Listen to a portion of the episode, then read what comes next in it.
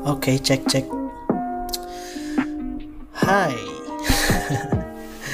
Udah lama banget gue nggak cuap-cuap, nggak ngomong-ngomong, nggak speak up, nggak curhat, nggak ya nggak ngomong, nggak speak up di podcast gue sih. Semua terhenti karena suatu hal. Hmm, banyak hal sih sebenarnya. Cuman ada hal yang memang menjadikan itu suatu apa ya? Suatu suatu hal.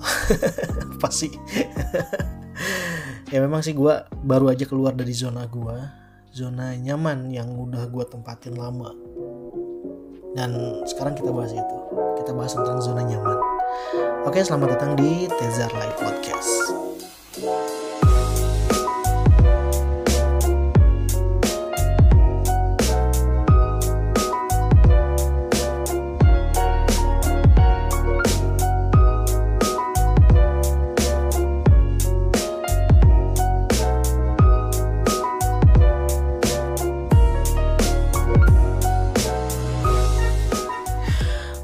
Oke, Udah gue udah lama banget nih nggak podcast. Terakhir di bulan apa ya?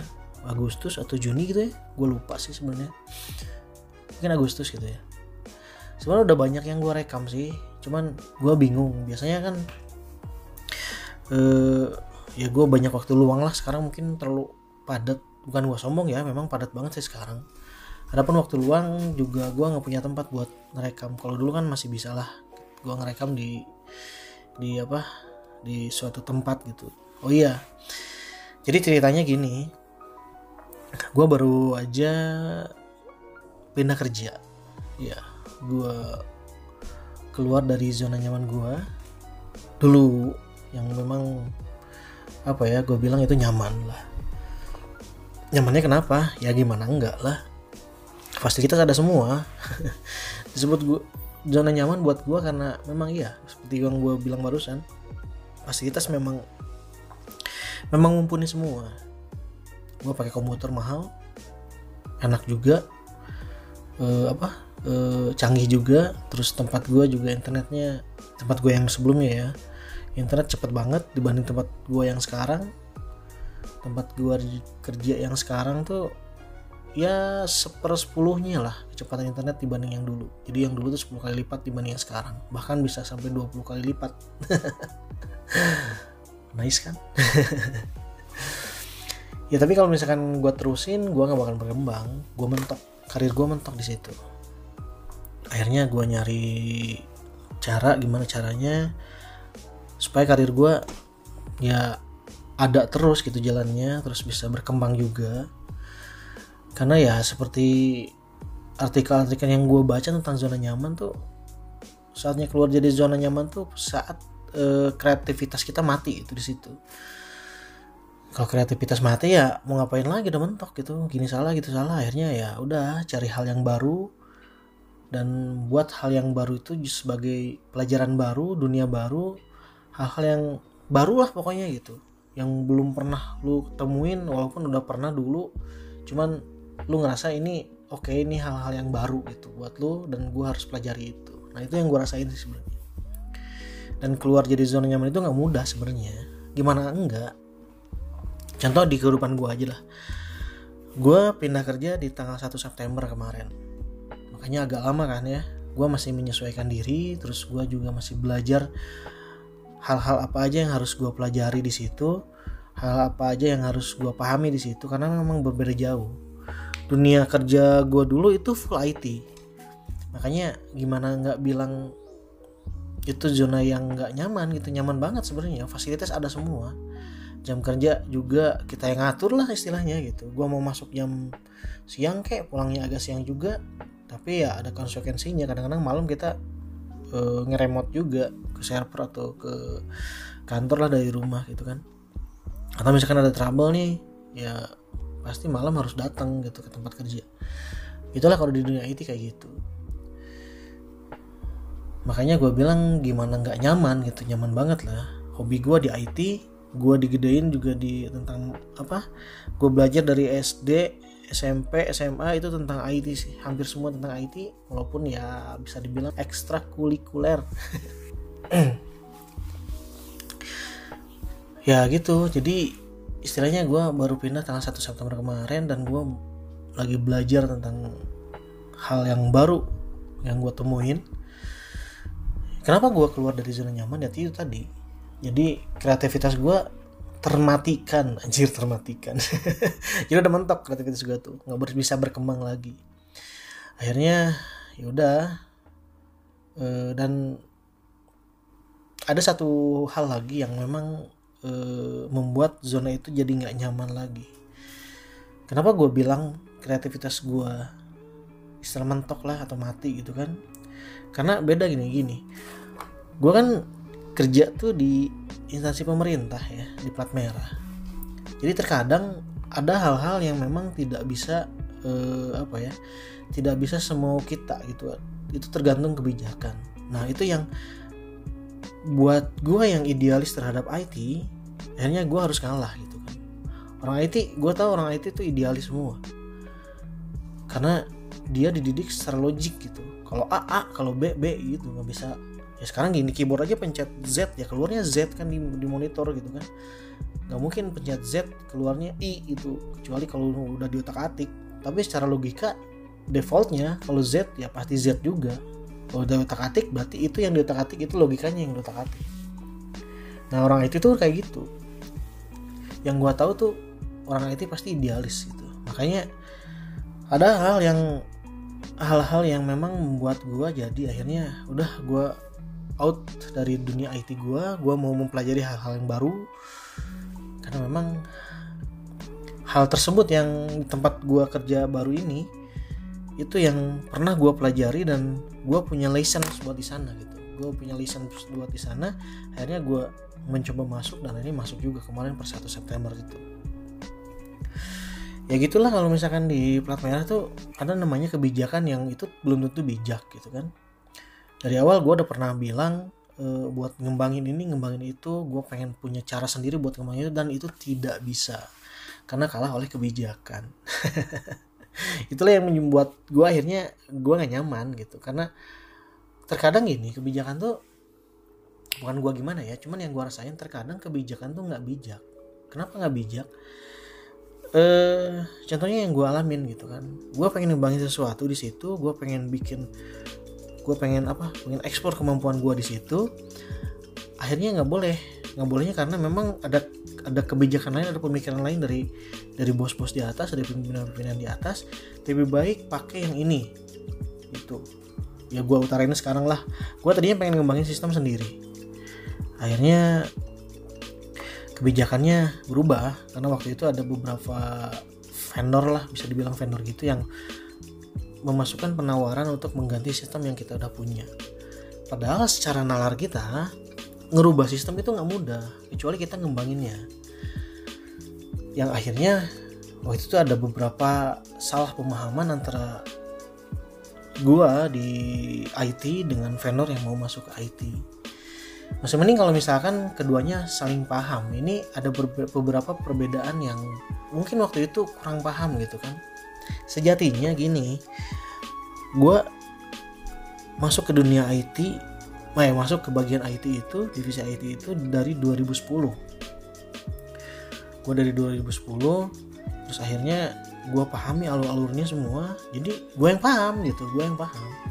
Sedangkan kalau yang vendor-vendor itu rata-rata mereka nggak paham tentang bisnis rule yang ada di sebuah uh, apa namanya, ya di sebuah unit kerja itu.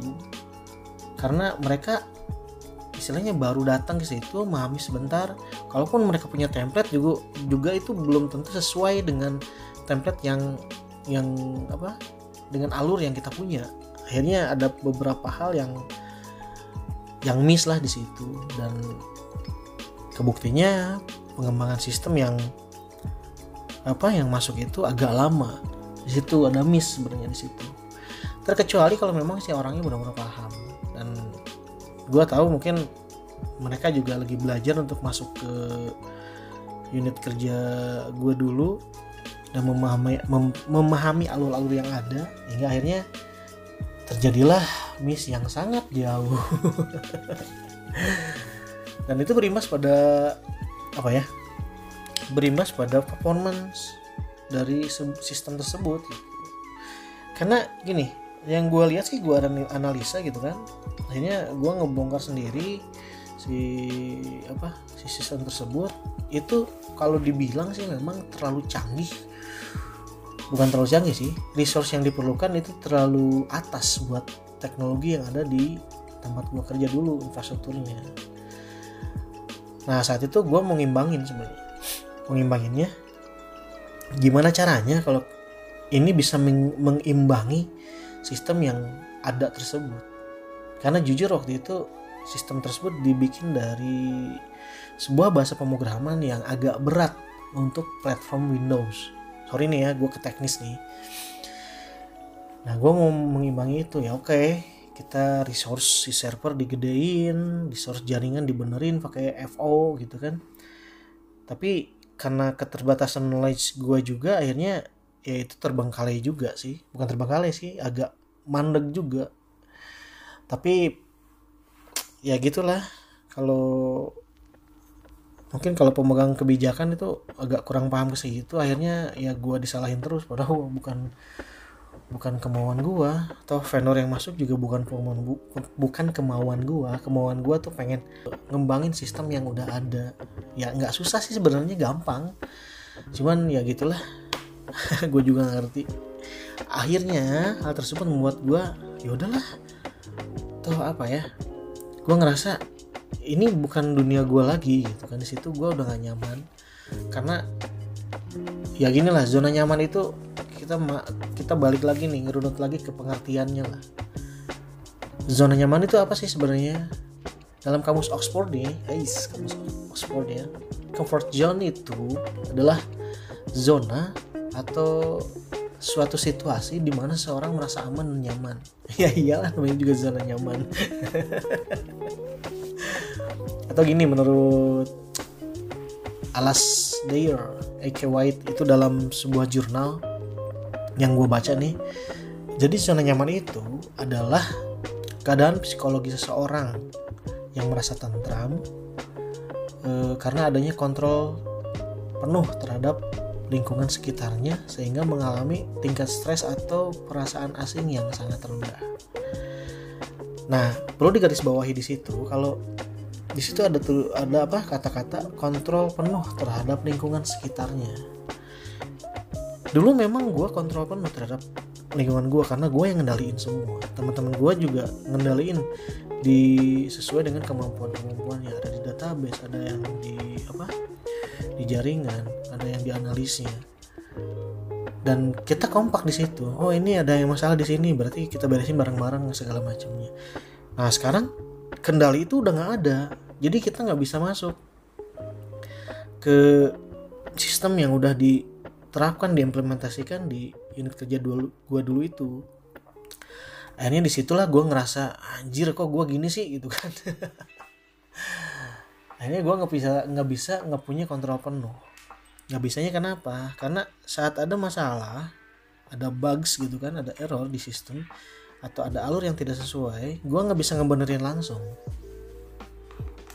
Jadi bener-bener kreativitas gue tuh dibatasin di situ gitu. Hampir mati lah gitu kan. Jadi ya gue harus bikin permohonan buat ngebenerin itu. Harus gue harus kirim email atau surat gue harus bersurat gitu kan ke analis mereka. Dari analis mereka nanti ke developer mereka dibenerin lah baru ntar seminggu dua minggu baru kelar gitu kan. Paling cepat ya tiga hari lah gue pernah waktu itu.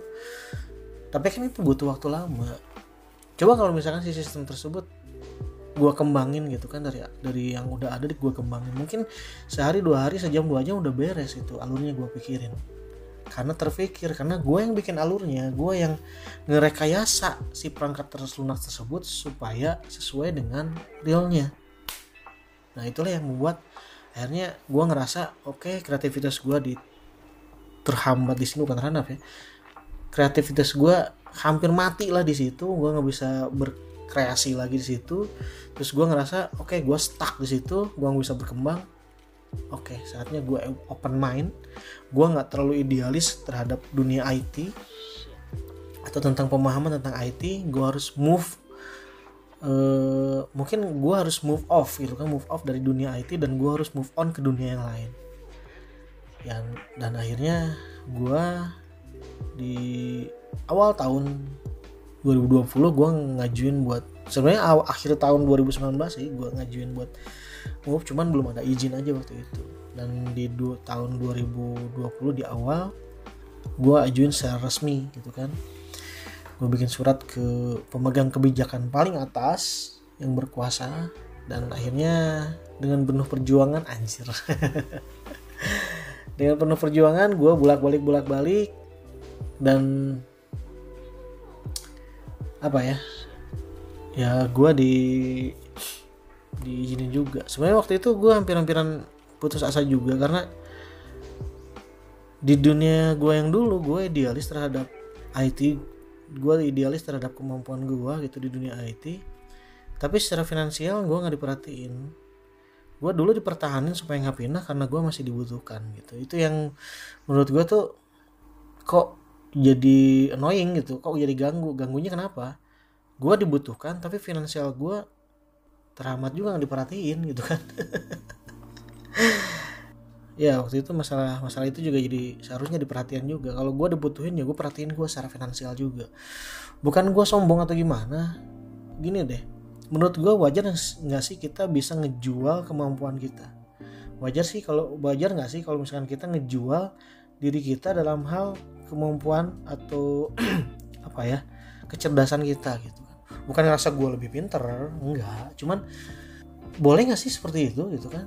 Toh banyak analis-analis konsultan-konsultan gitu kan yang bisa ngejual kemampuannya dan terbukti kemampuan tersebutnya memang terpakai dan dibutuhkan terus mereka bisa ada fee buat mereka gitu ada bisa ada harganya gitu ada price buat mereka gitu. Soalnya gini ya seperti yang apa ya pernah dibahas-bahas dulu sama gua gitu kan banyak orang banyak para para pemegang kebijakan yang bilang kalau IT itu sebagai urat nadi, IT itu IT itu sebagai jantung, tapi itu nggak diperhatiin gitu kan.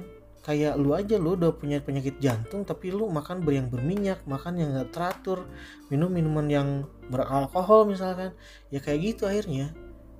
Ya tingkat matinya juga lebih cepat.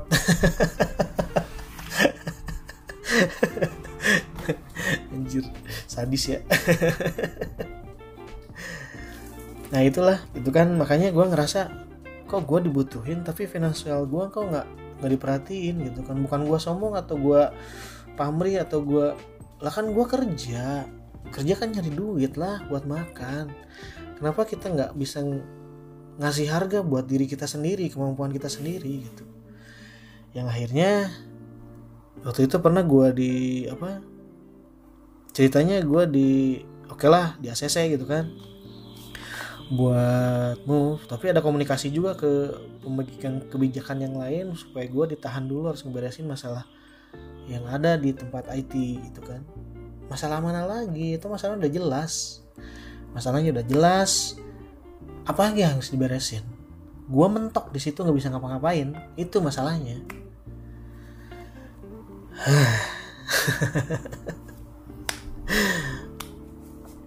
Dan akhirnya waktu itu gue hampir nge, uh, sempat ngedrop juga sih sempat ngedrop.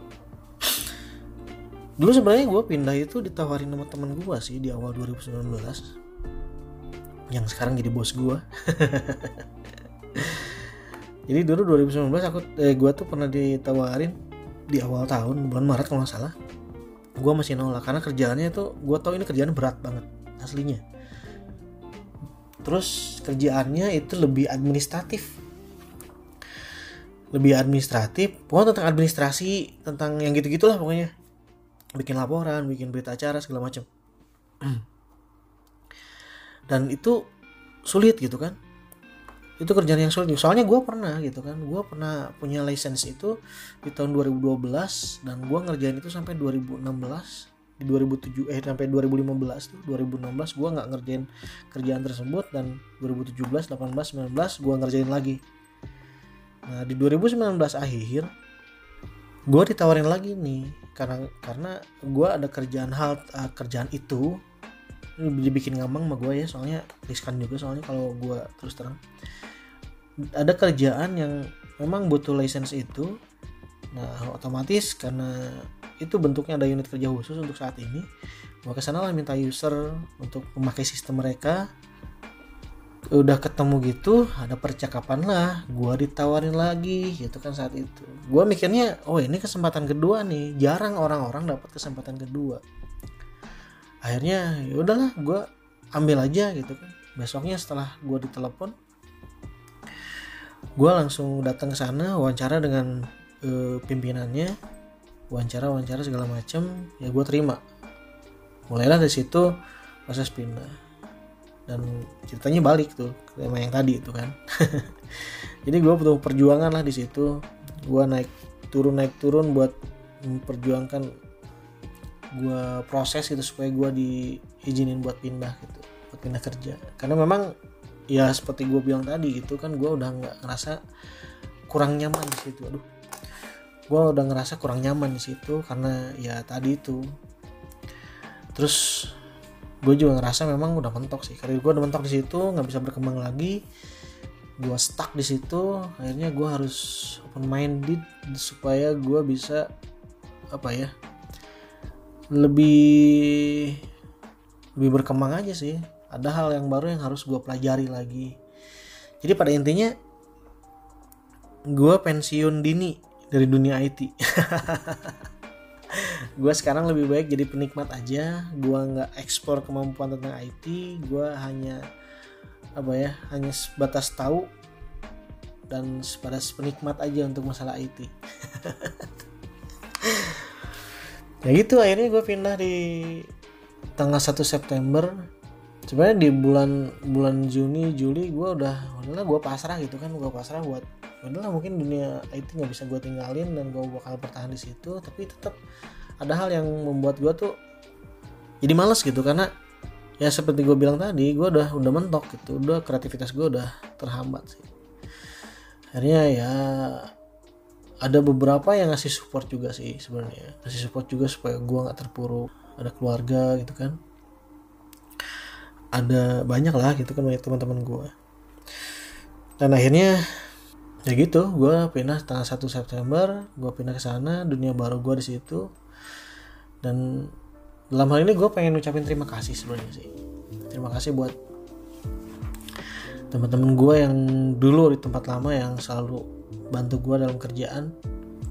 Kalau nggak ada kalian gue nggak bisa kerja. Gue nggak bisa kerja sendiri terus buat orang terdekat juga udah ngasih support buat keluarga juga. Buat pak bos nih yang sekarang pindah ke Bandung kemarin. Terima kasih karena memang udah karena udah ngizinin gue untuk bergabung. Walaupun cuma sebentar ya pak. Bapak satu November pindah ke Bandung.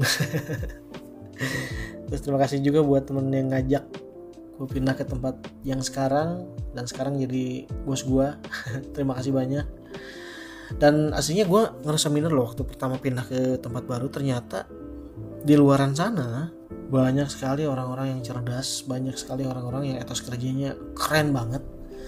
Gue salut gue ngerasa paling rendah di situ gue ngerasa paling bodoh di situ gue ngerasa paling nggak tahu apa-apa di situ. Asli itu gue ngerasain kayak gitu. Karena kalau di tempat kerja gue dulu tuh itu kayak kayak apa ya kayak sebuah sebuah apa sebuah perkampungan yang dibentengi gitu. Kita keluar masuknya susah. Kita nggak tahu dunia luar kayak gimana. Saat gue sekarang keluar dari situ ternyata dunia lebih luas. Kayak gini lah kayak film Divergent yang tri series itu Divergent, Allegram sama apalah itu yang tiga tiga trilogi itu. Jadi kayak sebuah perkampungan bukan perkampungan ya kayak sebuah populasi gitu yang dibentengi sama benteng yang tinggi ada listriknya juga di atas. Kita nggak tahu dunia luar tuh apa. Ternyata di luar di luaran sana tuh lebih lebih luas gitu. Teman-teman kerja yang sekarang senior senior gue yang sekarang itu asli cerdas cerdas semua.